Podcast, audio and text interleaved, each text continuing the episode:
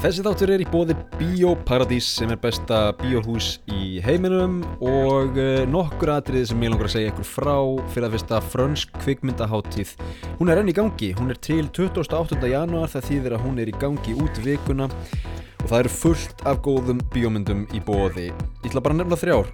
Örstut, Leon, við erum að tala um uh, Jean Reno og uh, Natalie Portman Þessi mynd er sínd uh, 27. janúar klukka 9 það er laugardagurinn í þessari viku klukka 9 Er þetta ný mynd? Er þetta mynd sem komið til fyrra? Nei, þetta er náttúrulega eldgömmul mynd. Leon the Professional, því þekkið þetta.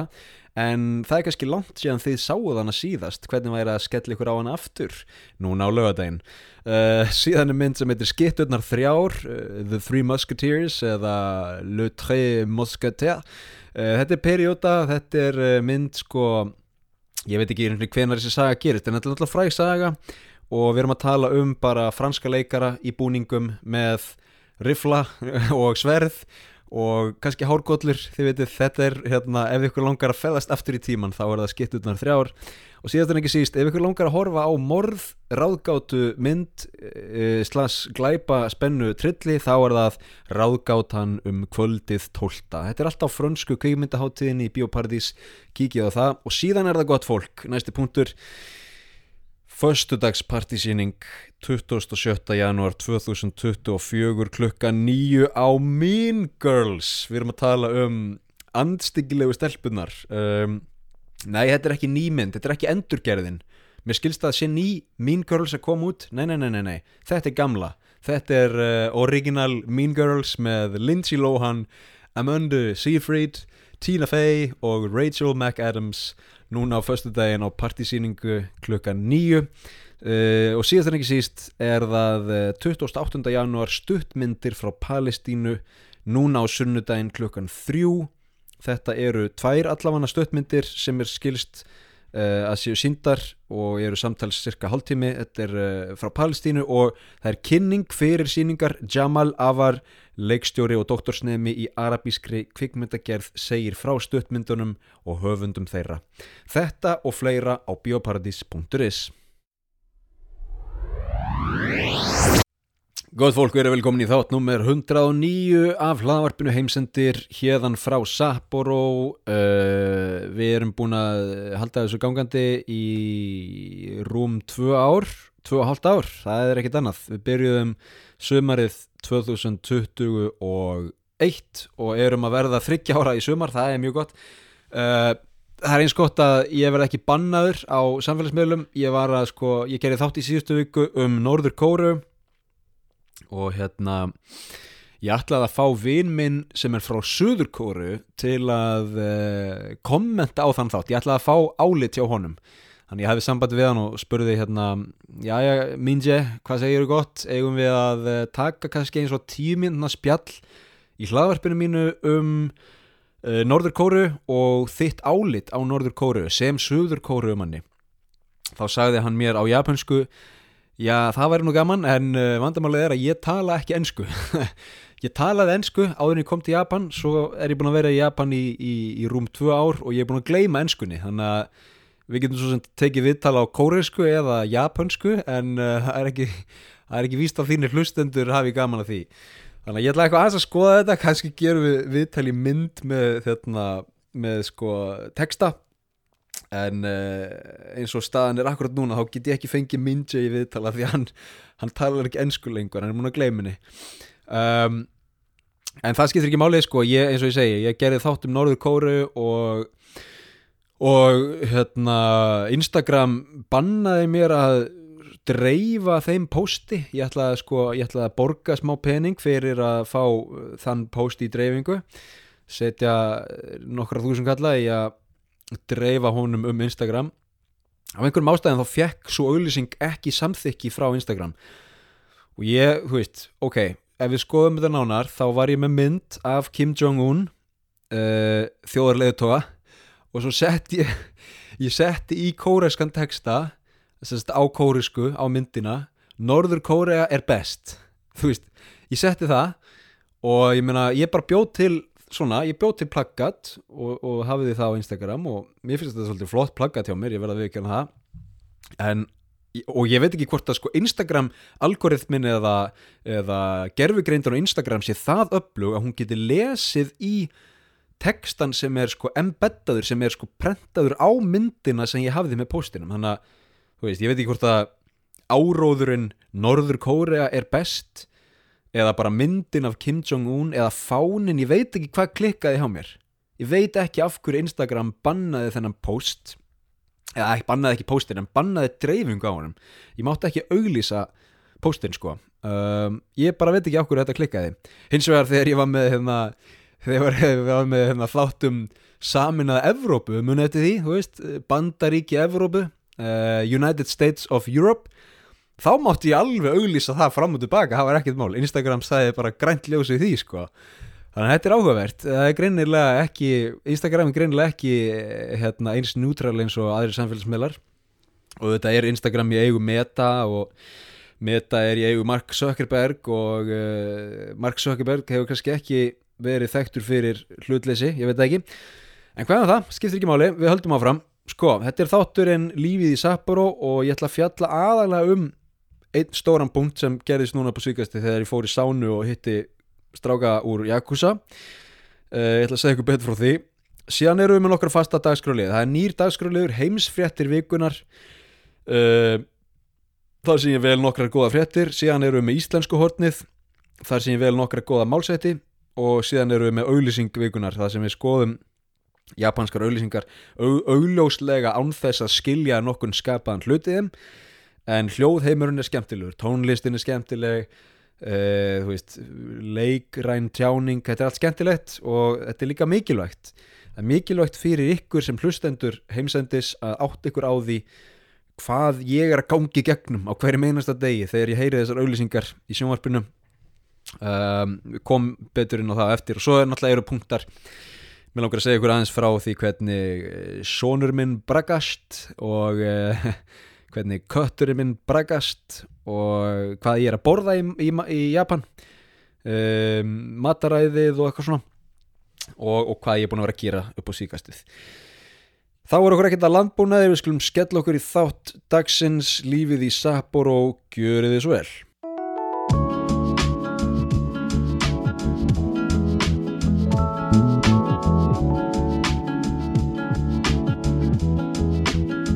Já, við ætlum að byrja á við ætlum að byrja á stærsta punktinum í þættinum. Það er uh, Yakuza í sánunni. Og uh, þannig er mál með vexti að ég er sánufíkill. Ég held að þetta sé nú einhver besta fíkn sem þú getur haft uh, að vera háður sánu.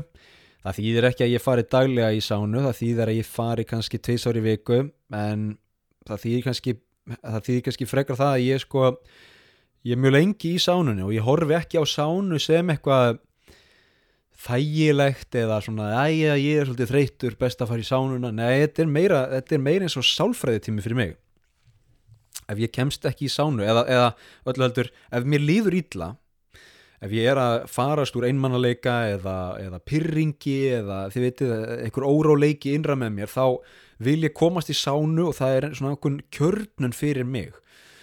Og það kannski það kannski hjálpar þrátt fyrir að það séu kostur og galli við þá, þá kannski hjálpar það að sánan í Japan fyrirfinnst í svo kalluðu Sento sem er bara baðhús ég myndið ykkur romverst baðhús eða tyrknest baðhús mínus ilmóljur mínus kindlar mínus kerti mínus um, uh, freskur og, og, og veggmyndir höggmyndir skiluru það er, það er lítil fagurfræði í japansku sento. Þetta er bara, þetta er bara eins rátt og það gerist.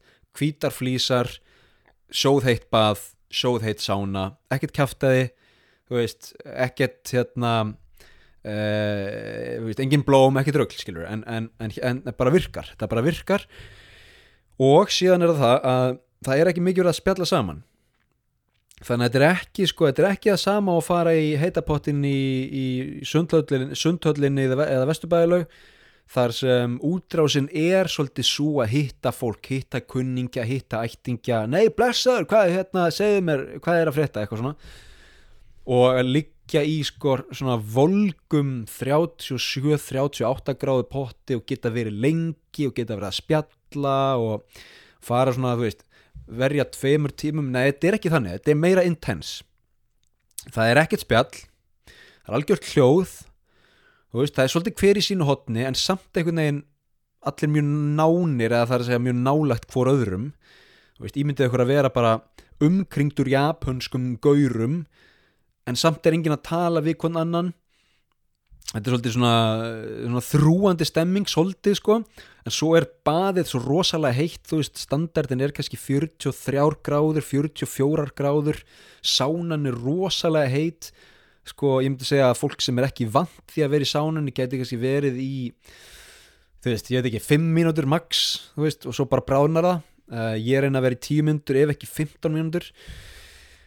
Þannig að þetta, er, þetta spilar allt inn þetta, þetta verður svona einhvers konar um, ritual þetta verður miklu meira þú veist, ég veit ekki hvernig maður getur líst þess en þetta verður bara svolítið svona eins og að fara í sweat eða þú veist, þetta er maður verður meir, maður verður svona veist, maður finnur fyrir líkamlegum óþægendum, svo heitt og rosalegt, svo fer maður í kaldapottin og líður maður aðeins betur og veist, þetta er bara miklu meira intense, allavega ég fór í Sendó um daginn og Sendóði sem ég fer í er alltaf fullt af Yakuza-gaurum við erum að tala um bara gaura sem eru bara með tattoo út um allt.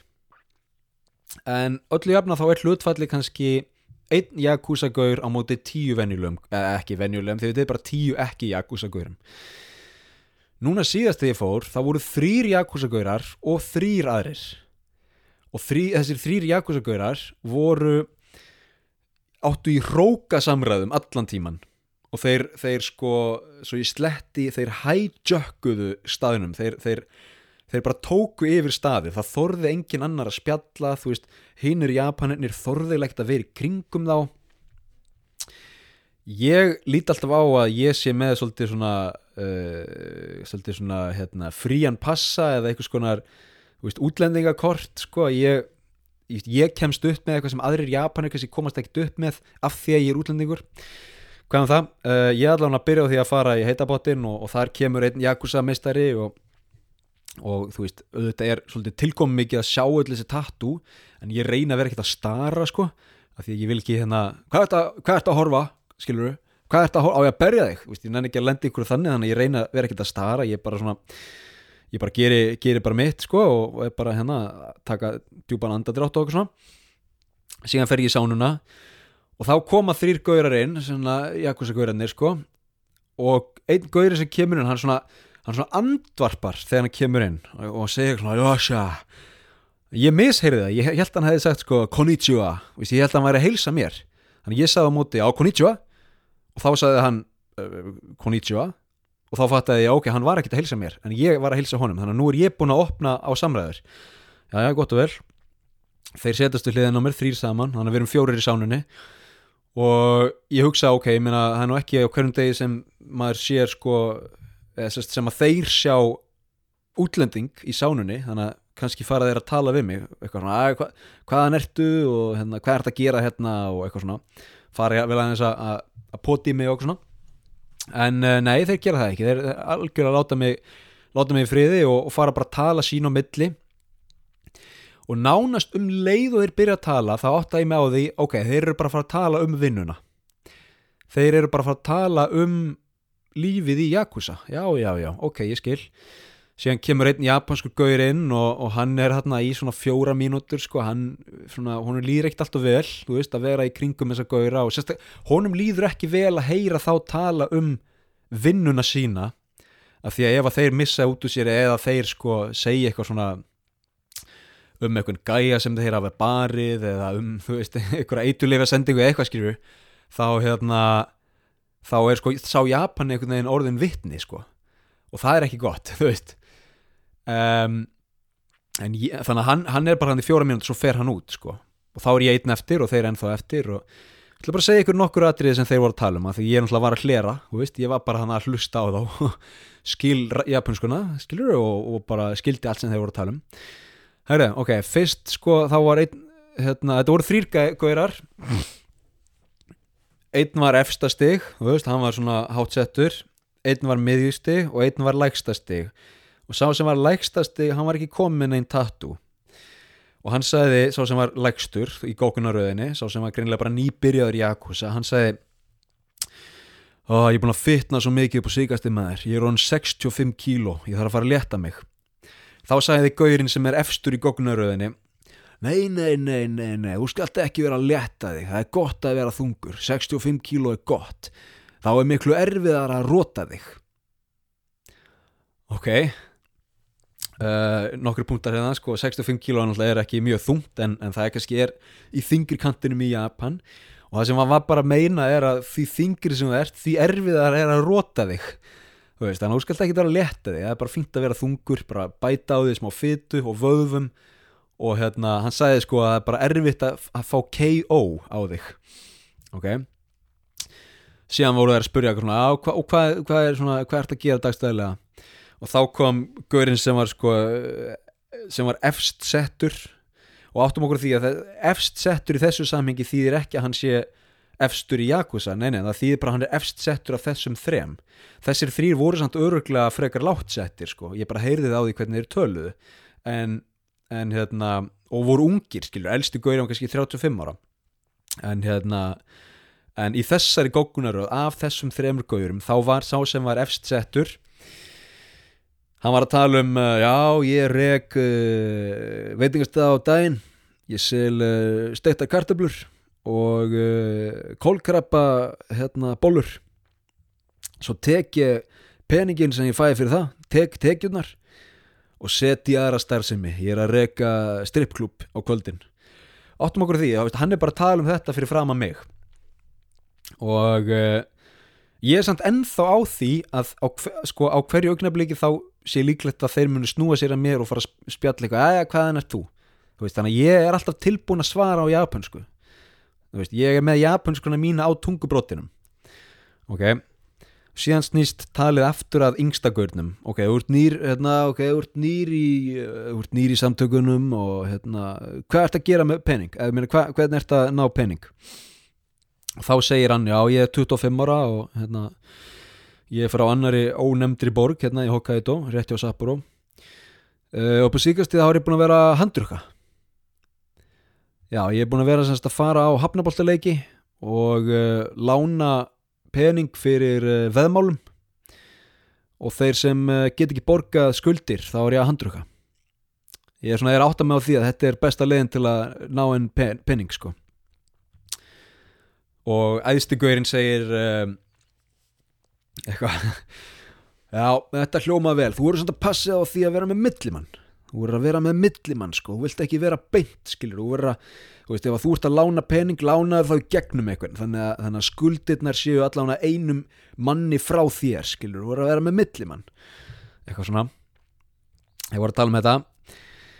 Og þegar ég heyrði þetta uh, af því að þarna voru þeir algjörlega komnir í sko svona allavega, já, glæpsamlegt aðtæfi þarna voru þeir farinir að tala um, um sko glæpastarsimina þegar voru komnir að hanga þá, þá tók ég uppegi og, og hugsaði sko ok, ef að þeir spurja mig núna hvaðin ég sé og svona þá hérna ætla ég að segja að ég tali ekki japansku ég, nú, núna er japanska mínur horfin. Nú tala ég ekki japansku lengur. Uh, núna er ég bara ferðamæður, ég tala bara einsku þannig að ef þeir spurja mig uh, where are you from?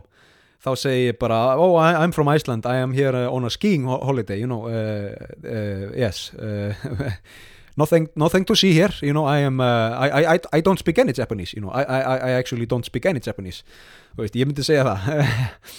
Um, þú veist og ég en ég samt fer ekkit út í flæmingi skilur ég, ég bara held áfram hann í sánunni ég kom með góða 15 mínútur og er að bráðna og svona en þetta er bara þetta er svo áhugavert ég verða að hlusta á samtalið á þeim sko.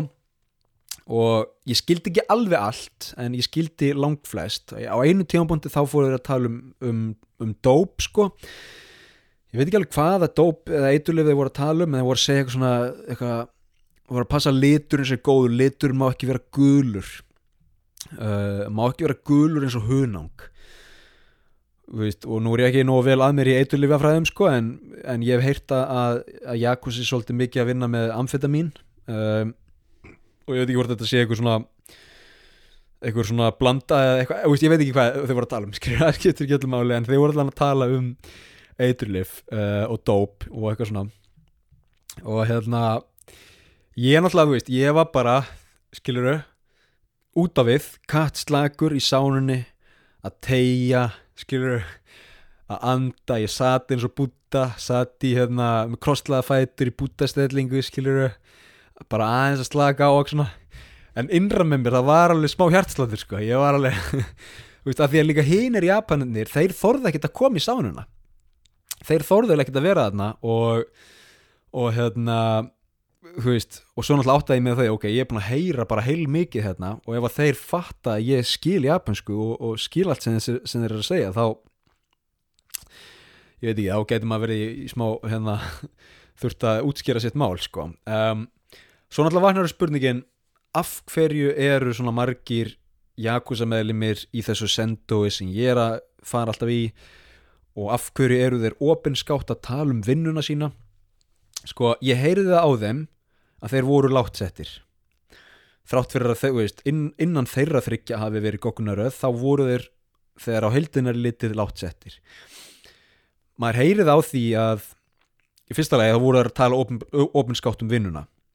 Það er eitthvað sem sko gæjar ofar í goggunaröðinni myndi aldrei gera, þeir myndi aldrei taka eitthvað þannig sensa, það meikar engan sens veist, þetta er bara eh, veist, þetta er eitthvað sem þú þú, ert ekki að draga inn almenna borgara í eitthvað mögulegt vesen af því bara þú veist. Uh, til að vera langlífur í þessum leik þá, þá verður að spila á sniðugan máta. Og núna tala ég bara út frá því sem ég hef lesið skilur. Ég, svo sem þekkit ekkit vel en en allavega ég get allavega séð á þeim að þeir voru látt settir og, og það virtist vera að þeir vera að fá smá kikk út úr því að vera að tala opinskátt um þetta þú veist, hvað ætlar að gera í hvað ætlar að fokkin gera í, skilur og tala, þú veist, það var eins og að væra veiða viðbröð eða eitthvað svona. Og þess vegna hafa sem er merkilegt að þeir hafi ekki spurt mig að tala við mig. Um, kannski hann væri bara ekki þórað, ég veit ekki. Allavega, ég hérna var bara hann eins og flú á vegg. Um, af hverju voru þeir á þessu sendói og af hverju eru alltaf Jakusa meðlumir á þessu sendói eða í þessu baðhúsi ég er ekki ennþá komið með skýr svör. Líklega er það bara af því að um, líklega er það bara af því að þeir hérna ég veit ekki, að veist annarkort er annarkort eru þeir með um, hreðjatak á rekstrinum þú veist, að einhverju leiti fjárhastlegt eða, eða eða otherwise, skilur eða þá að þeir séu búin að fjármagna veist, uppbyggingu rekstursins eða þeir borgi ég veit ekki hvað er, en það er eitthvað greinilega í gangi, þeir eru greinilega með einhver uh, ítök, skilur eitthvað hald á þessum rekstri og uh, og einhver áhrif þarna og, og þú veist, lang flest bathús í Japan banna beinleinis tattoo sem er bara bann við því að það sé uh, Yakuza meðlumir að mæta, skilur það að banna tattoo er, þýðir bara uh, við viljum ekki sjá neina Yakuza meðlumi hérna. Þetta bathús er ekki með neitt slikt bann og það er ekki af því að þau eru svo góð það er ekki af því að þau eru svo progressiv eitthvað svona, já ég minna núna upp á síkast þá eru bara fleiri og fleiri að fá sér tattu það er bara þannig, nei, nei, nei, nei, þetta er ekki þannig. Það er bara af því að það er einhver tengst við Jakusa ok, ef að þessir Jakusa meðlum er uh, töluð íslensku og væri að hlusta á þetta hlaðvarp þá væri ég kannski í djúbum skýt en uh, ég ætla að gera ráð fyrir því að uh, að hérna, þeir tala ekki íslensku og, og, og allt það. Þannig að þetta er svona, ég er að segja ykkur þetta. Þetta er líf mitt í Japan hérna núna. Um, og þetta er bara gaman, ég menna, þú veist menna, já, þetta er bara svona þú veist ég er náttúrulega hérna, held bara áfram að fara í þetta baðhús og, og fara í mína sánu og það er bara fínt, skilur og ég trubla þá ekki og þá vonandi trubla þeir mig ekki. Um, þannig að þetta er svona, höldum áfram förum við næsta punkt.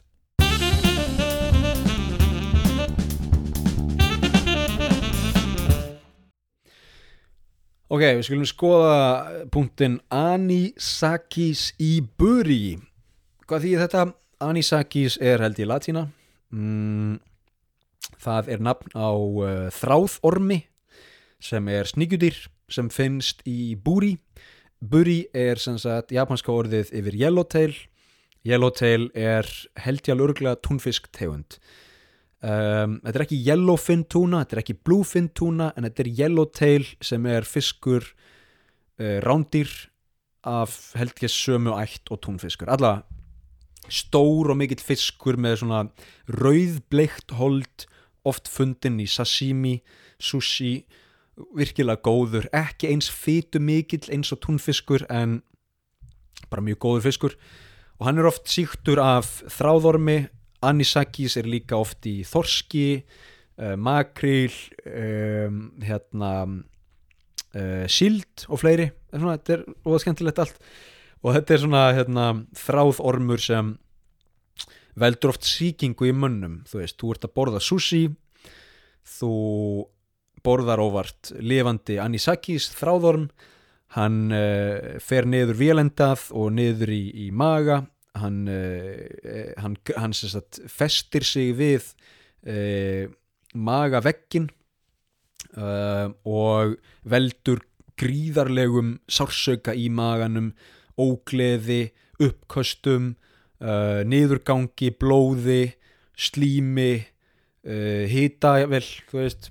En síðan deyr fiskurinn að því að, nei hérna deyr ormurinn á einhverjum dögum náttúrulega af því að, uh, af því að sko, menn eru ekki náttúrulegur hísill náttúrulegur hísill fyrir þennan orm á lokastígi eru, eru selir og, og uh, önnur sjáarspendir uh, höfrungar, þið veitir maðurinn er ekki náttúrulegur hísill þannig að ormurinn kemur inn og segir já hérna er komið partí, nú get ég haldið áfram nei byrjunum við, þetta er eitthvað skrítið, þetta er eitthvað skrítið og svo hægt og rólega deyran, skiljur við og við bara dröllum honum út. Allavega, ég kefti sem sagt Yellowtail. Uh, af því að hann var á ég kefti svona, já, Yellowtail fisk steak. Og uh, ég er að fara að elda. Og ég spyr tengdamömmu mína hvernig elda maður svona elda maður þetta eins og tónfisk og hún sagði já, maður eldar þetta eins og túnfisk. Ok, hvernig eldar maður túnfisk? Uh, ef maður ætlar að elda túnfisk rétt notabenni, þá nær maður stofuhitta á honum áður en maður eldar hann. Síðan steikir maður hann upp úr ólífólju eða smjöri á pönnu, bara létt. Við erum að tala um kannski 30 sekundur á hvori hlið. Þannig að hann sé nánast bara rár inni og svo bara vel steiktur utan á þannig eldar maður túnfisk.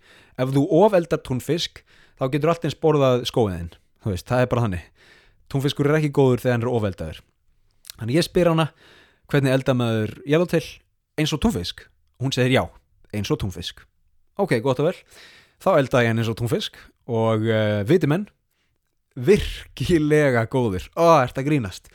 Svona bara sko velsteiktur utan á með salt og pipar og smjöri og bara mjúkur og, og svona bara eiginlega hrár inni. Bara ó, wow, hvað er þetta gott. Og hérna, sérinn fæði sér bita. Mmm, hvað er þetta gott. Og ég fæði mér bita, mmm, hvað er þetta gott. Þvílíkur, þvílík hérna, þvílík uh, veistlamæður að fá sér smá yellowtail og uh, síðan fæðir tengdamamma sér bita og hún segir bituna við. Hann er hrár. Og ég segi já, auðvitað er hann hrár. Eins og túnfiskur. Og hún segir, nei Nei, nei, nei, nei, nei, túnfiskur á að vera well done. Uh, Akkur eldaði hann ekki well done? Og ég sagði, byrju, ha? Og þá líti ég á fiskinn. Viti menn sé einn lítinn orm anísakis, þráðormur á mínum diski. Um, og ég hugsa shit uh, hér er eitthvað hér, hér er eitthvað miskilningur ok, ok, ok, ok. Þannig ég fyrir með fiskinn, fyrir með hann á pönnuna steikja hann betur. Uh, fylgist með orminum. Herðu, hann virðist vera dauður ok, ok, ok, ok ok, ok, ok, ok. Við klárum að borða. Hérna, það má, ímynda sér að fólk hafi verið með minni matarlist ég er endar, er ekkit ég er ekkit rosalega viðkvæmi fyrir svona. Uh, þegar ég bjóð Kosta Ríka þá borðaði ég oft uh, úldin mat.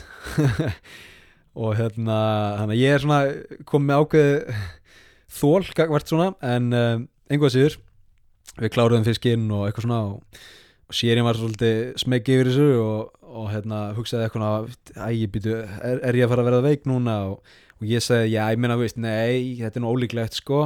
Hérna ormurinn virðist vera döður og eitthvað svona og, og basically að var málið að í Japan þá er túnfiskur ekki steiktur.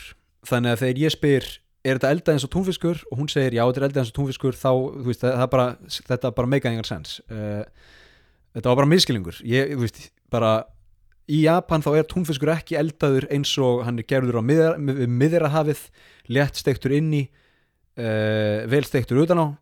Nei, nei, hann er bara eldaður, hann er bara borðað rár veist, þannig að þetta er bara, bara tungumálaörðuleikar eða menningarmunur eða eitthvað, það bara fór eitthvað óskiðis og ég hérna, van eldaði Yellowtail long story short, þá urðum við ekki veik. Yey, greinilega hérna þá bara dói ormannir eða eitthvað, ég veit ekki. Um, þetta gekk upp, þetta var allt í góð lægi ef við hefðum borðað hann alveg hráan þá hefði þetta kannski verið meira vissin en uh, þetta var svona eins og við kallum uh, close call.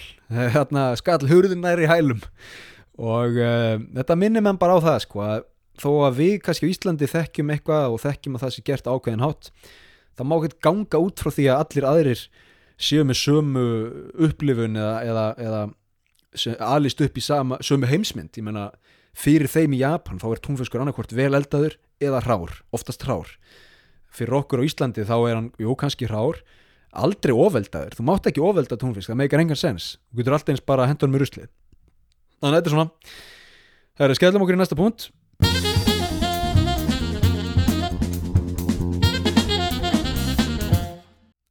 Ok, upp á þegar ég er búin að vera að horfa mikið á heimildamindur um svindlara, svikamillur píramidasvindl. Og uh, þetta er oft Netflix. Netflix er svolítið gott í að gera svona heimildamindir sko, það var einn sem var ágætum árið Tinder Svindler. Þetta er svona eh, svolítið skemmtilegt nafn Tinder Svindler. The, the Tinder Svindler. Þú er búin að sjá Tinder Svindler? Um, hún var bara nokkuð góð. Ég man ekki alveg um hvað hún fjallaði. Hún fjallaði held ég um mann sem var að veiða upp konur á Tinder og lofa þeim uh, gulli og grænum skóum og fá þær basically til að senda sér pening veist, hann var að segja eitthvað svona æg, ég elska þið ástu mín, ég elska þið svo mikið. Uh, það verður gaman eftir mánuð þá getur loksins verið saman. En uh, ég þarf vel að bara fá þúsund dólar að senda uh, svo ég geti hérna klárað eitt mál og þá geti, veist, þetta var eitthvað svona þetta var, svona, þetta var bara svona svindl skiljuru og hann sem sagt var mjög góður í því að misnota tröst hvenna á Tinder og þetta var heimildamindu um það. Síðan sá ég heimildamindum daginn sem heitir Bitcont sem var mjög góð.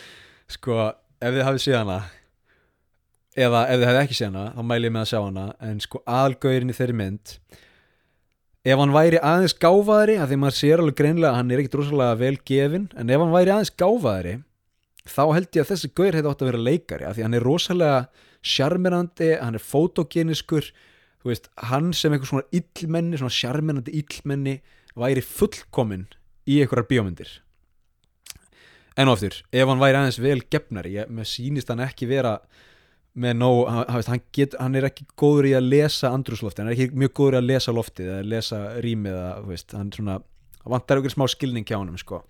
allavega, þetta er mynd sem fjallar um uh, þrjá gauðra sem sem bara stopna debitkort sem á að hérna, þar sem þú getur notað uh, rafmyndina þína þú veist. þú þú getur keftir rafmynd og þú getur átt hana en þú getur ekki notað hana nema þú seljir hana fyrir efrur eða dollara og seljir síðan efrurnar eða dollarina fyrir vörur eða skiptir þeim út, skilur, þú getur ekki skipt bitcoin beint fyrir okkur vöru nema kannski í, í Uruguay eða, veist, ég man ekki, það er einhverju lönda sem getur gert það allavega þessir meistarar voru með hugmyndum að gera debitkort þess að þú gæst bara að fara út búið og kefti shake bara hérna spínat shake fyrir bitcoin þú veist. Og þetta er ágættis hugmynd en máli var að þeir voru bara ekki með neitt á baki veist, þeir voru bara með hugmynd, þeir voru bara með liftu pitchið sko. Bara grunn hugmyndina en ekkert annað. Og hérna þetta er alltaf sorglegt þegar að því að, veist, að, því að þeir þeir fengu fólk til að fjárfesta 32 miljónum bandarækjadólara í þetta fyrirtæki og allur sá peningur bara hvarf skilur þessir þrýr gaurar einhvern veginn tóku hann og tóku hann til sín og, og hérna og þau, þau fórnalum svindlsins hafa ekki fengið þann pening tilbaka. En ég ítrykka að þessi gaur hefði átt að sleppa því að vera svindlari og hefði átt að vera bara leikari í staðina því að hann er greinilega mjög góður fyrir fram myndaðulina ok? Og síðan er það bíómynd sem, nei hérna heimildamind sem ég sá í gær sem bara vakti mik mikla umhugsun hjá mér og var eða frekar rosalega sko.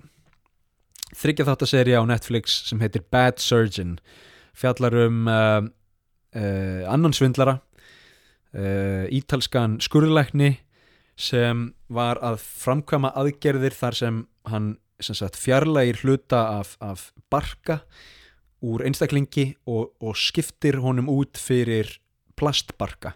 Þetta er ígræðisla á plastbarka og hugmyndin var að, að hann væri sagt, með sterilan plastbarka sem hann gæti grætt uh, hérna, hvað heitir það, stopnfrömmur úr sjúklingnum í plastbarkan og stopnfrömmurna myndu síðan fjölga sér og, og búa til einhvers konar þekju yfir allan plastbarkan um, sem gæti þá sem sagt, verkað eða virkað sem nýr og betri barki. Ok. Uh, sko ég veit ekki alveg hvað ég get sagt um þessa mynd. Þetta er náttúrulega í fyrsta lega er þetta ógeðslegt af því að eða sko myndin er bara ógeðslega af því að maður sér að, að hérna, fórnarlömp þessa skurlæknis þjást eftir þessa aðgerð og, og þjást af oft hægum uh, döðdaga og þau verða aldrei sagt, ná sér aldrei og flestir, flestir uh, sjúklingana bara letust eftir aðgerðina skilur við um, sko ég hugsaði strax að ég er nú alveg áhuga á svona læknisfræði og, og, og sérstaklega bara tækni nýjungum ég hugsaði strax sko þegar líka minn fær eitthvað nýtt, eitthvað framandi inn, inn, í, inn í sig þá, þá myndast eitthvað viðbrað og líka minn í flestum tilfellum hugsar, byrju hér er eitthvað sem getur verið skadalegt, best að losa sig við það. Ok, við höfum heyrt dæmi um þegar fólk fær uh, líffæra ígræðslur og ef að ef að sko, sko ef að líkindin milli þíns eigins líffæris annars vegar og síðan um, hérna, líffæra gjafans hins vegar eru ekki nægileg þá er, eru líkar á því að líka minn hafni líffærinu. Þannig að eftir svona líffæra gjöf þá er, þá er oft gefið sko ónæmis bælandi lif til að reyna að koma í veg fyrir að líka minn hafni líffærinu, við, við getum verið að tala um lifur eða nýra eða, eða eitthvað já, vel útlimi. Um, en, í, en í flestum tilfellum þá, þá þarf að hafa þetta í huga eða í öllum tilfellum þá þarf að hafa þetta í huga þá er virkilega, virkilega mikil hætta á að líka minn myndi einhvers konar mótsvar gegn þessu eða ansvar eða hafni vel nýja hlutnum hvað með þegar hluturinn er plast? Ég meina, veist, það er náttúrulega dæmi um, um gerfi liði ég meina, össur er að framlega gerfi liði og, og gerfi limi og, og hérna og uh, ef, ef þú ert með alveglegt beinbrot þá er hægt að þá er hægt að sko sem sagt, eh, sem sagt uh, hérna þá er hægt að laga það með því að, með því að bolta beinin saman með, með stáli eða platinum eða, eða einhverjum málmum sem, sem uh, mynda ekki þetta svar. Hvað með plast, ok uh, sko hugmyndi var að, að, að þú myndir þekja þetta plast í stofnfrumum frá einstaklingnum sjálfum sem myndur síðan fjölga sér. En þegar upp í staði þá er þetta samt plast, þú veist þá er þetta plast ok? Og ef þú farð ígræta hendi eða eitthvað, eða ígrætan putta og líka minn hafnar síðan þeim útlimi tough shit, en þá ertu samt kannski komin aftur á byrjunareitt þú veist þá það bara að taka hendina af loka fyrir og, og trýta síkinguna eða, eða ónæmis viðbræðið en þegar þú farð ígrætan barka þá getur ekkert gert af því að þú getur ekki teki barkan út af því að þá ert ekki með barka og þá getur ekki andað. Þú veist. Og þegar líka minn fer að hafna barkanum þá er ekkert þú veist, það, er ekkert plan B skilur þannig að þetta, þetta sko, þetta er nánast hjælt fyrir mér vöku í gær. Þetta er svo þetta er svo óhugnandi tilhugsun sko, að bara að uh, þú sétt komið nýjan barka sem líka mann byrjar síðan að hafna. Uh, í sum tilfellum þá losnaði barkin frá skiluru, saumatni voru ekki nógu vel gerðir. Uh, í öðrum tilfellum þá myndaðist síking uh, fór hérna já, myndast síking þetta er bara, þú veist og það sem var kannski verst í þessu öllu saman var að nokkrar af þessum, að, þessum aðgerðum voru framkvæmdar á sjúklingum sem hefðu kannski lifað bara eðlu lífi til hás aldurs, þú veist. Það var kona í Rústlandi sem lendi bílslisi og, og var sem sagt með skattaðan barka, þú veist, þú ert að anda í gegnum gat á hálsinum en gat samt talað gat borðað, það hefði engin áhrif á vélendað uh, ég meina ok, líti, skilur, með gat á hálsinum og það heyrist hljóð og andar og eitthvað svona og veist, hún kannski verður ekki hérna marathónhlaupari og eitthvað svona en, en ég meina hún hefði geta bara lifað áfram hefði ekki geta bara lifað áfram eðlu lífi þannig séð. Nema hvað að hún fer í þess aðgerð og síðan bara tveimur án síðar deyr hún veist, og, og er bara tvö ár að deyja sársökufullum döðdaga af því að hún fór í þess aðgerð sem hún hefði ekki turt að fara í en hún fór í þetta af því að þessi ítalski uh, skurðlæknir basically lofaði henni því að, að hún myndi fá gamla lífið sitt tilbaka. Um, ok, ég hérna ef að þið hafið áhuga á svona viðbjóði þetta er náttúrulega er áhugavert skiljuru en ef þið hafa áhuga á svona þá mæl ég með að skoða þessa og hinnar heimildamindina það er eitthvað í mannlegu eðli sem er þú veist, sem bara svona límir mann við skjáin þegar maður sér svona svindl sko, svikamillur um, sérstaklega ef það er í læknisfræði sko. um, þetta var mjög óhugnar, óhugnarlegt um, og það eru tengingar við Ísland í þessu, ég ætla ekki að tala með um það ok, þetta voru punktar, við skulum skella okkur í hérna, dagskrálið heimsfréttir vikunar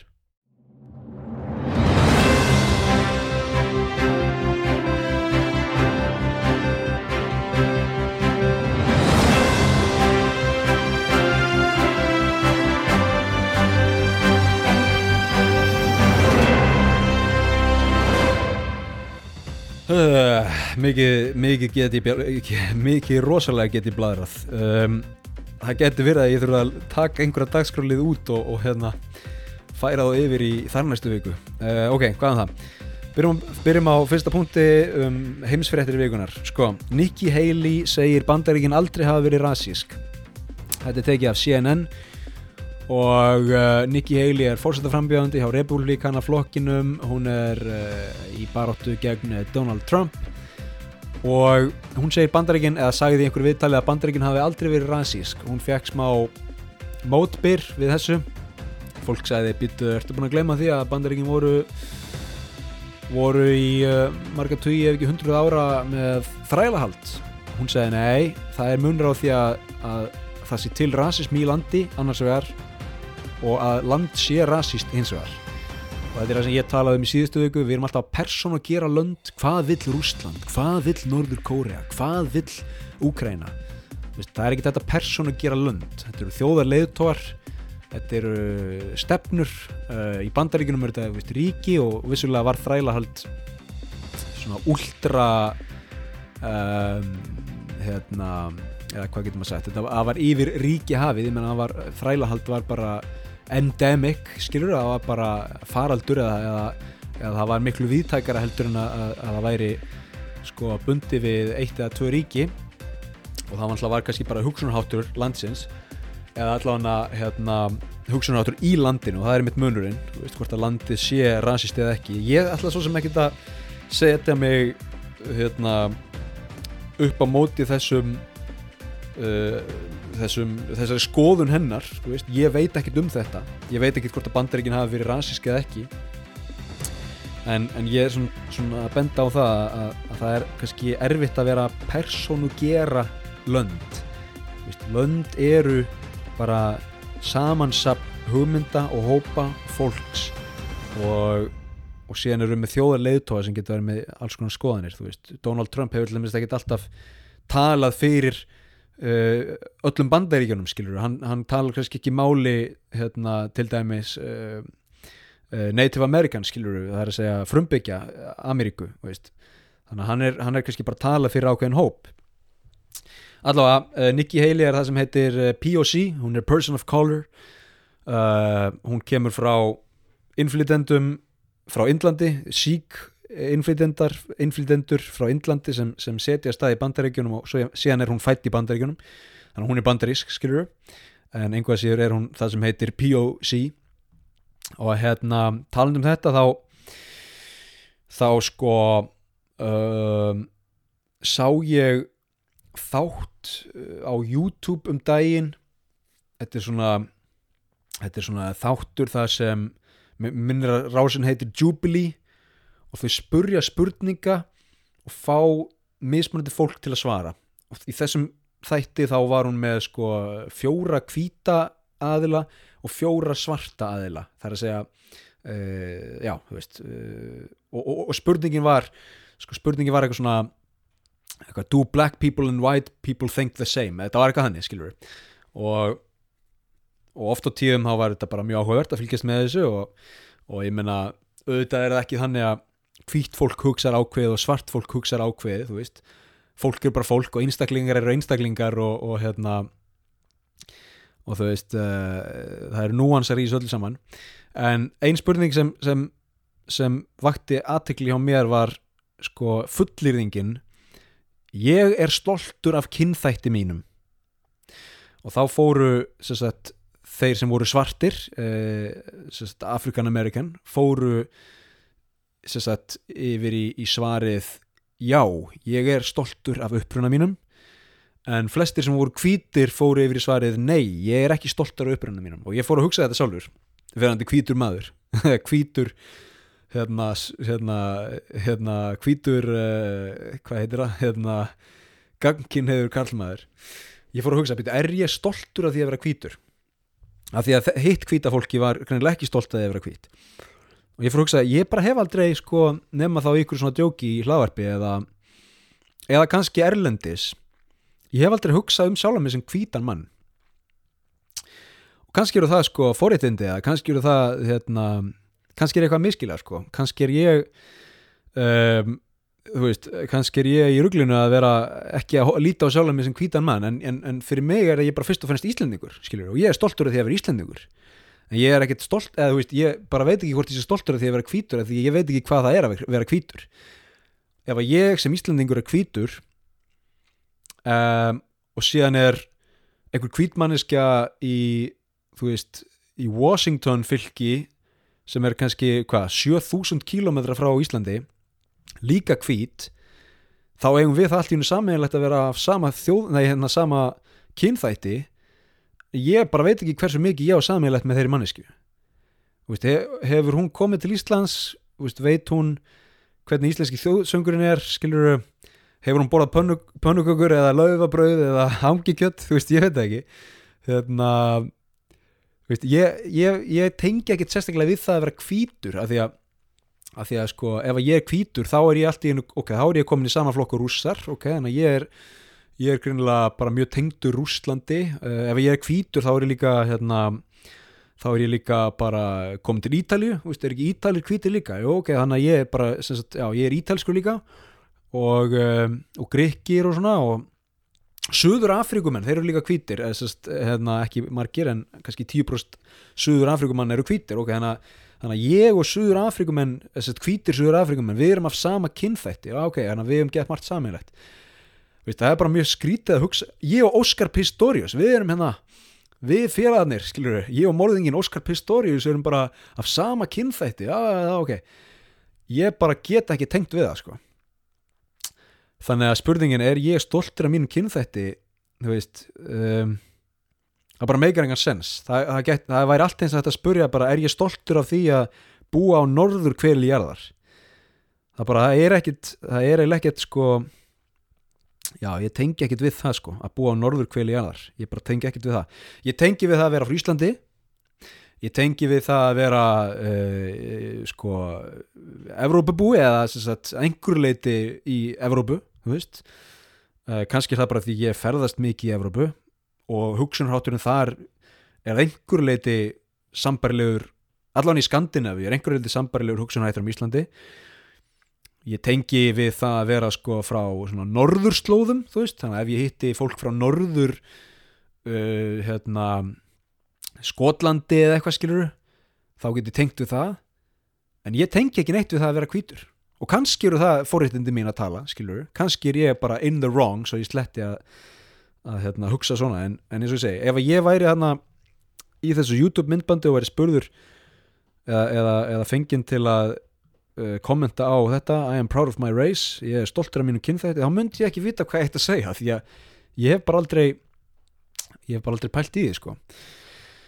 En um, þetta var áhugavert, herðið, ok við aftur að efnunum að þér, wow um, við, við erum að tala um heimsfréttir vikunar og heimsfréttir vikunar er dagskrálur það sem ég ætla að skoða bara fjóra til fimm mismunandi miðla við sögurum heiminn til að sjá hvað gerst í heiminum skellum okkur, þetta var sérst CNN Nikki Haley segir að bandaríkinn hafa aldrei verið rasísk. Skellum okkur næst til Rúslands uh, á rúslandska ríkismiðlin russiatoday.com uh, Putin segir að Úkrænustriðið hafi byrjað árið 2008 ok, það er ekki hann sem ég man það mér minnir að það hafi byrjað 2022 en, en Putin er sérst ósamála, hann segir að Úkrænustriðið hafi byrjað 2008 og það sem hann er að vísa til er að árið 2008 þá var NATO fundur þar sem að NATO samþykir umsókn Úkrænu og Georgiu í NATO.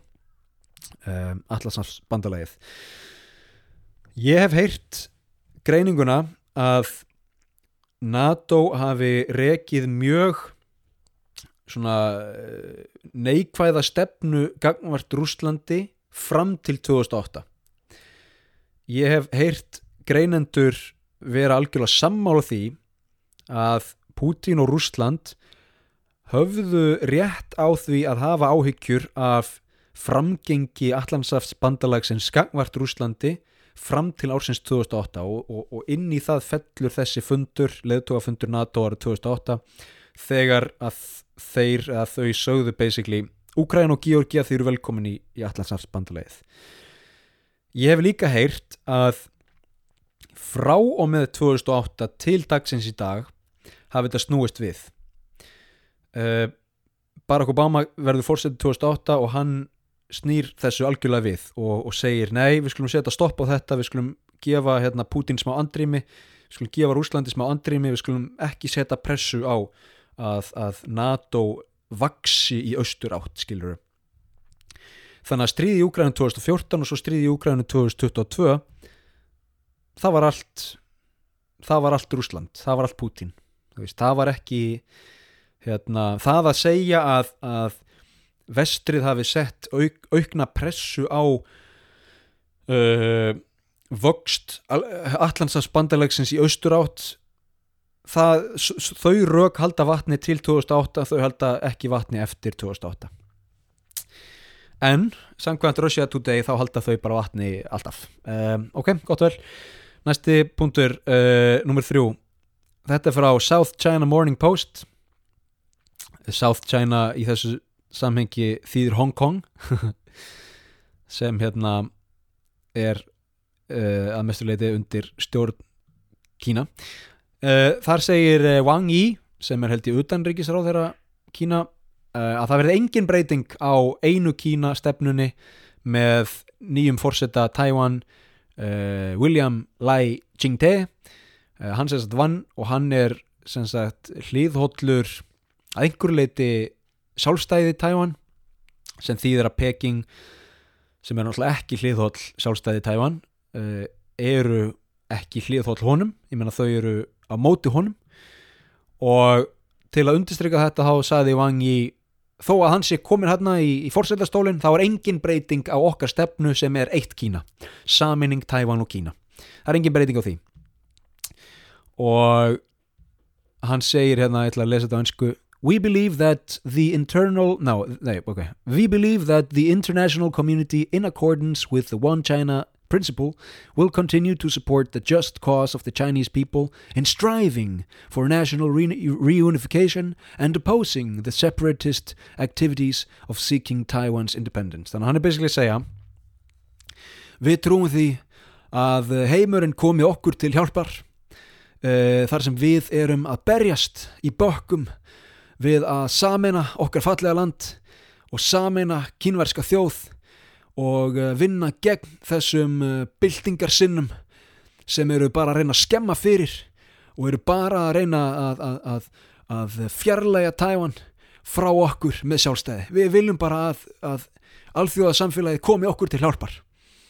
Um, síðan er áhugavert að skoða hver skoðun fólks í Tævan er uh, samkvæmt skoðanakönnunum sem hafa verið framkvæmdar upp á síkasti þá vilja 17% saminningu en 83% fólks í Tævan vilja ekki saminningu þannig að þegar Wang Yi segir að við séum bara berjast fyrir því að eh, kínversk þjóð geti saminast þá er hann greinlega ekki að tala um 83% Tævana sem vilja ymmit ekki saminningu þetta er svolítið áhugavert. Um, geti ímyndið okkur ef ef að Breitland myndi koma fram með stefnuna One UK uh, Skotland uh, vill auðvitað ekki hérna, ekki fjarlægast uh, stóra Breitland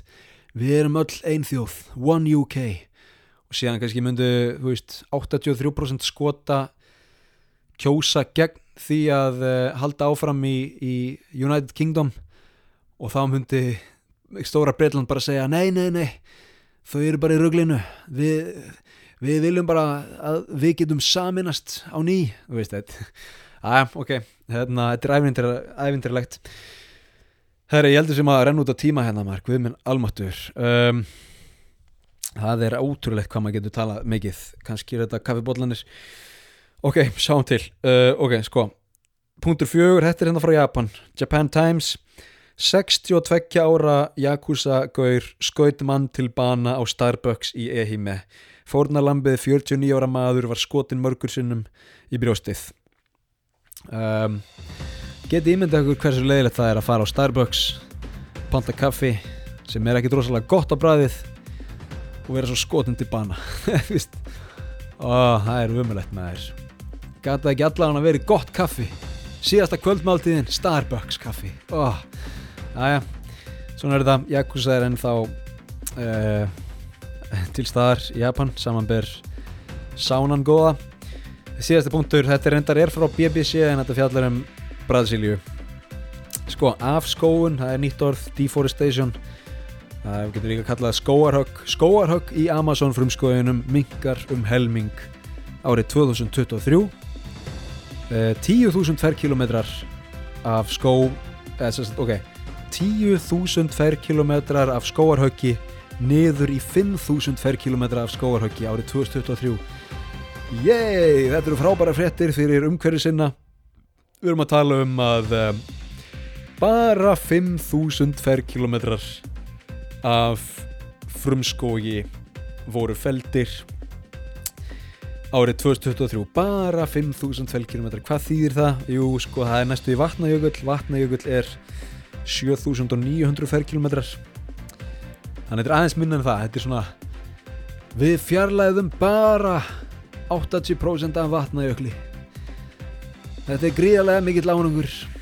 En nú veist, ok, vissulega er þetta mikill árangur að því að fyrir það þá voru 10.000 ferkilometrar sem er cirka stort á vatnajökuls þjóðgarður það er einn tíundi af Íslandi.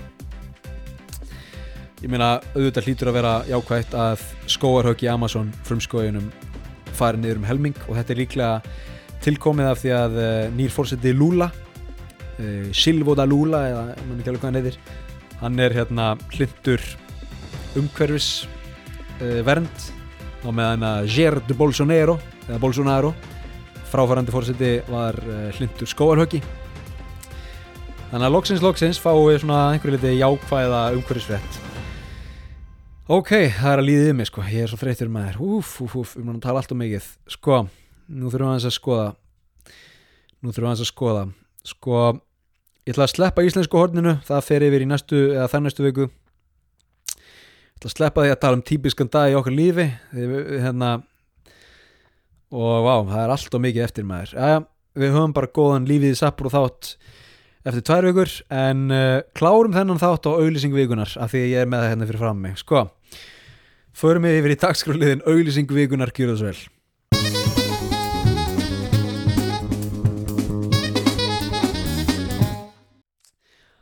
Auglýsing vikunar er dagskráliður sem uh, hefur það markmið að gefa ykkur hlustendur góðir insýn í hljóðheiminn sem plagar mig hérna á hverjum degi sko það er samt eiginlega ótrúlegt þegar maður heyrir svona mikið af leiðilegri tónlist og, og svona erfiðri tónlist þá er það svo kær komið þegar maður fer á japanska veitingastæði, japanska bari þar sem hefur verið að spila nýtt og ferst japanskt hip-hop eða nýtt eða gamalt japanskt city pop sem er svona jazzað, poppað eitthvað, skilur veist, bara skemmtilegu hljó, hljómfaraleikur, góður söngur.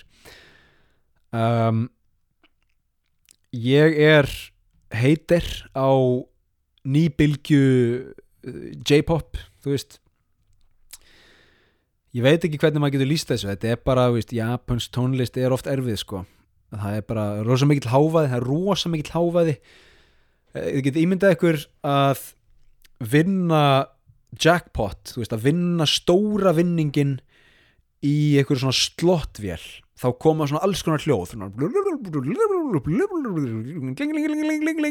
þá koma einhver svona hljóð ímyndað ykkur tónlist, heilt lag, fjóra mínútur sem er bara þannig tónlist og svo söngur yfir þannig heyri ég japanska tónlist dagsins í dag, notabene, dagsins í dag sko, af því að 50s, 60s þú veist, 70 áratugurinn 7. áratugurinn, 8. áratugurinn, 9. áratugurinn geggju tónlist í Japan sko, geggju tónlist í Japan sko, japansk, googlið Japanese City Pop, geggju tónlist YMO, Yellow Magic Orchestra geggju tónlist þú veist, síðasta öld í japanskri tónlist var geggjuð klassísk japansk tónlist, geggjuð nútíma tónlist í Japan ekki geggjuð þú veist og á einhverjum ástæðum þá er þetta mainstreamið. Þetta er það sem er vinsælt og þetta er það sem er sett í margar auðlýsingar og veist, Japan er bara land það sem veist, það er dýrt að auðlýsa það kostar mikið eins og annars staðar.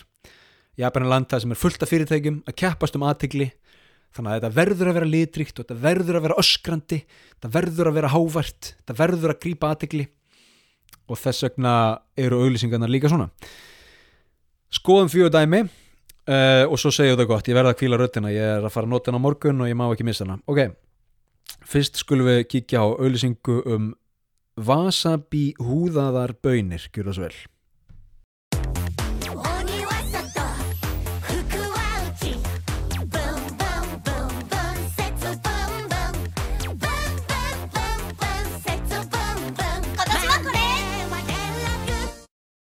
ok, þetta var stutt og laggott það er nú ekki mikið að segja um þetta en, en mér svona hljó, heyrist eins og það hafi verið að reyna að gera þau voru að reyna að gera hljóð eins og bönir hvernig myndu bönir hljóma pop, pop, pop, pop, einhvern veginn Þú veist, bönir hljóða svo um, ok, þetta skiptir ekki máli förum í næstu auðlýsingu uh, Disneyland 10 ára ラインディズニーつぶつぶ9周年から10周年へ今度のつぶつぶは 桁違い桁違いのミッキーツムもらえるチケット100枚も桁違いアニバーサリ10ー周年何この新つむ Já, þetta er svolítið skemmtilega auðlýsing, sko, þetta er svona bjart og, og, og svolítið fallegt, sko, og litríkt ef maður myndi sjá vídeo, þetta eru tveir japanski leikarar, það er þau eru klætt í svona Disney búninga og, og það er sínt frá Disneylandi og svona, en ég heldur endur að þau sé ekki að auglýsa Disneyland per se, af því að Disneyland er ekki 10 ára, Disneyland er 40 ára, sko. Ég heldur þessu að auglýsa einhvern svona leik einhvern, einhvern leik í síma eða eitthvað, ég veit ekki, en þetta er allan að tengt Disneyland og þetta minnir mig á það að ég kom fyrst í Japan sem leikari.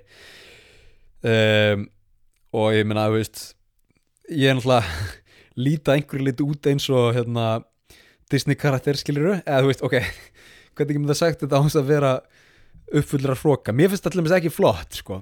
Um, ég hef líka verið, mér hefur líka verið líkt við bósa ljósár af því ég er með svona svolítið mikla, mikla höku sko. Um, veist, en allavega ég er hérna, veist, ég er bara svona mjög stereotypiskur um, veist, hvítur gaur skilur ok, allavega þannig ég, ég var basically að hugsa eitthvað, gæti ég fengið vinnu við það að vera hérna, einhver prins í Disneylandi skilur og ég hugsaði eitthvað, það væri nú mjög áhugavert. Uh, svo komst ég að því að, að Disneyland eru bara þrælabúðir þú veist, við erum að tala um kannski þúsugall tíman 12 tíma vaktir engir frídagar veist, þannig er að vinna í Disneylandi. Um, og þú þarft eitthvað að vinna í tvö ár í, þú veist ruslatýnslu til að meiga mögulega stíga á svið eða eitthvað, þetta var bara eitthvað algjört rugl þannig að ég bara ég ákvaða að halda mig fjarrri uh, blessunulega en, en uh, fólk sem fer í Disneyland tekur hins vegar ekkert eftir þessu. Ég meina, fólk, fólki sem er að sína í Disneylandi fólki sem er að leika Mikka Mús og, og prinsessur og prinsa það er bara brosandi. Bara með algjörlega Colgate brosið sko. Uh, Colgate sem þýðir hengduði á, á spænsku. Æ, ok, ég kom í ruglið. Herru, hérna, þetta var Disney-ölsing og þetta er bara fínt. Uh, Kíkjum á næstu ölsingu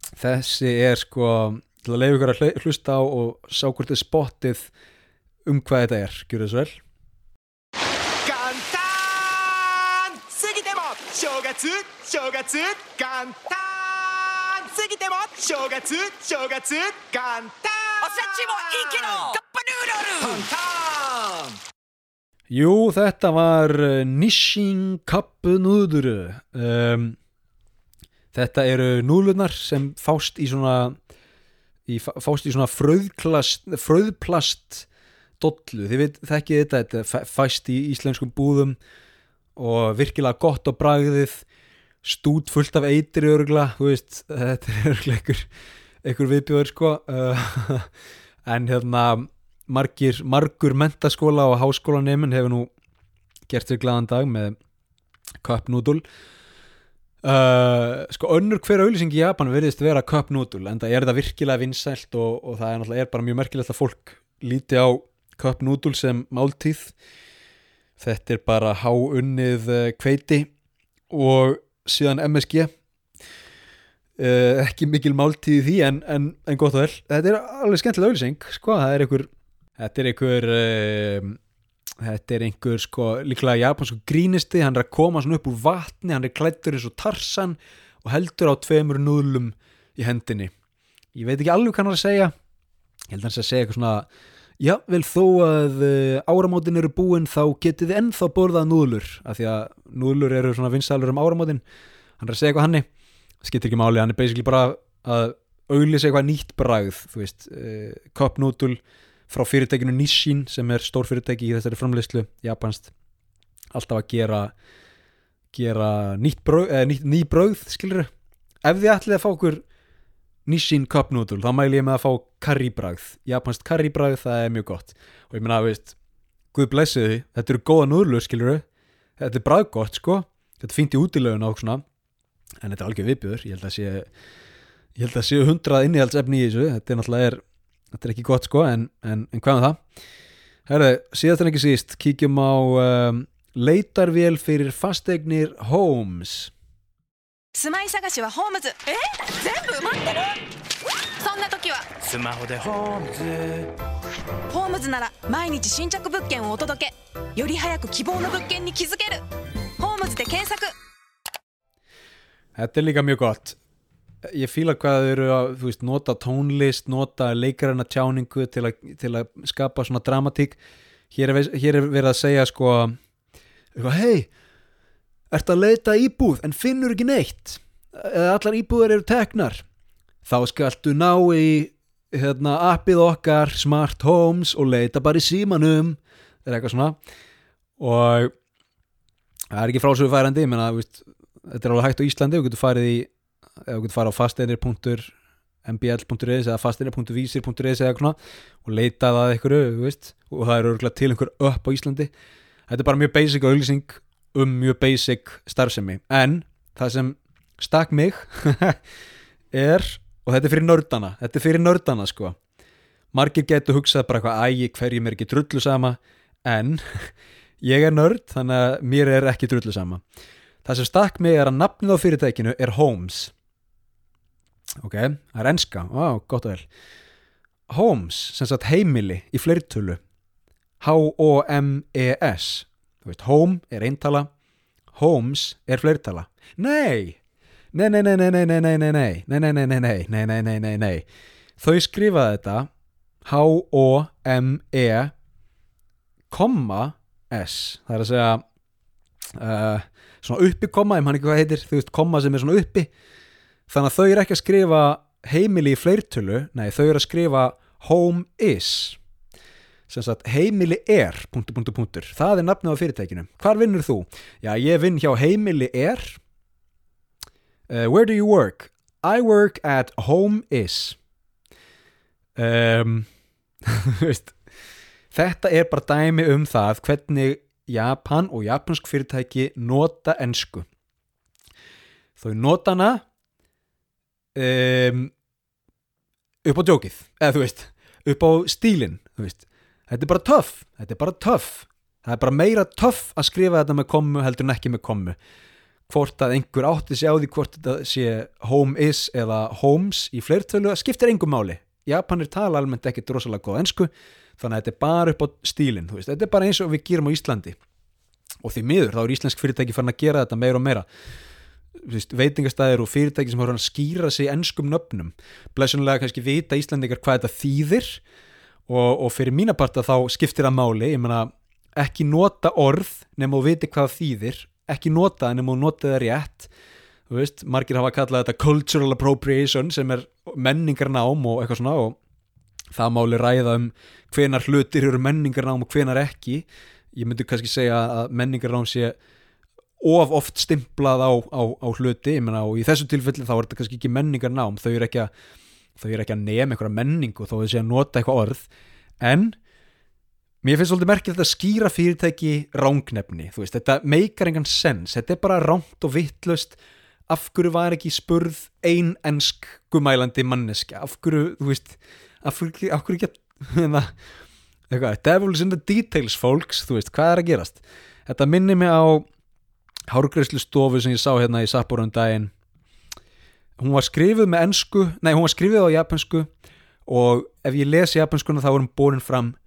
Crime crime ok, hárgreislu stofan crime og ég hugsaði strax byrju glæpur, crime.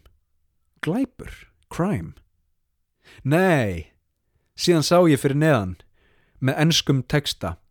Climb það er að segja að klifra. Hárgreðslu stofan climb. Ég sko ég veit ekki hvað er þetta að segja með það Mér, þetta, er, veist, þetta er bara þetta er bara, þetta er bara, veist, þetta er bara gott að blessað og ég er alltaf að reyna að tilenga mér hugafar sem er bara hei bara, bara gerðu það sem þig langar. Bara hei, þetta er bara þetta er, þetta er allt í lagi, bara gerðu það sem Veist, ég er alltaf að reyna að hætta að vera þessi nörd, hætta að vera þessi stafsetningar lögregla sem er alltaf að skipta sér að ég er alltaf að reyna, er að, reyna að hætta að vera dómari, ég er, hætt, ég er að reyna að hætta að vera dómharður á svona að því að þetta skiptir einhver máli. Og þetta er bara, þú veist, hei skýrðu bara hárgríslistofuna bara hvað sem er, skiptir einhver máli. En ég get ekki hætti, ég er alltaf veist, þetta bara stingum mig bara hérna og og í þessu tilfelli þá er ekkit rámt við þetta. Þú skrifar climb það er að segja að klifra eins og þú skrifar crime það er að segja um, uh, glæpur. Á japansku er þetta eins skrifað þannig að í, til, í þessu tilfelli þá, þá er ekkit hægt að tala um, um vittlösa stafsendingu eða neitt slikt, nei, nei, nei, nei. En þetta er kannski bara áhugavert val á nafni, þú veist að því að, að, að miskilingurinn er svona fljótur að verða til, þið veitir hvað um það, gott að blessað. Hérna, enn og aftur ekki miskila mig, veist, þegar ég er að benda á það sem ég fíla ekki í japanskri tónlist eða þegar mér finnst skrítið þegar Japan er að nota ennsku eða eitthvað slíkt ég elska Japan, don't get me wrong en þetta er bara, þú veist, þetta eru bara dæmi sem, sem, sem, sem stökkva út og vekja aðtikli hjá mér og það er skemmtilega að tala um þetta heldur en að tala endalist um hvað allt er gott og blessað, af því að auðvitað er allt gott og blessað hérna, ég get farið út og fengið mér hátegismat á 800 kall veðrið er geggjað í Japan langflestir Japanir eru mjög almennlegir og, og kurtisir við mig. Um, reyndar mættu gera meiri því að, að, móka snjó af uh, göngustigum en það er annar mál Herri, ég er búin að tala alltaf mikið, þetta er orðin of langur þáttur og það er margt sem við eigum eftir, við þurfum bara að færa það um tvær vikur yfir í lífið í Sapporo eftir tvær vikur. Kæru hlustendur, hvort sem þið eru á Patreon eða ekki, takk fyrir að hlusta. Þið sem eru á Patreon, takk fyrir stuðningin, þið eru meistarar, ég ger þetta fyrir ykkur og ég gæti ekki gert þetta án ykkar. Þið sem eru ekki á Patreon, þið veitir hvað ég er að fara að segja. Come on, come on maður, come on, hey, skilur þau, ég ætla ekki að blóta en sko, 700 kalla mánuði þú veist, come on sko veist, þetta borgar sig ekki sjálft maður, það er hérna reyningandi borgar sig sjálfur sko, en hvað um það hérna, takk öll fyrir að hlusta takk fyrir uh, stuðningin og við heyrumst í næstu viku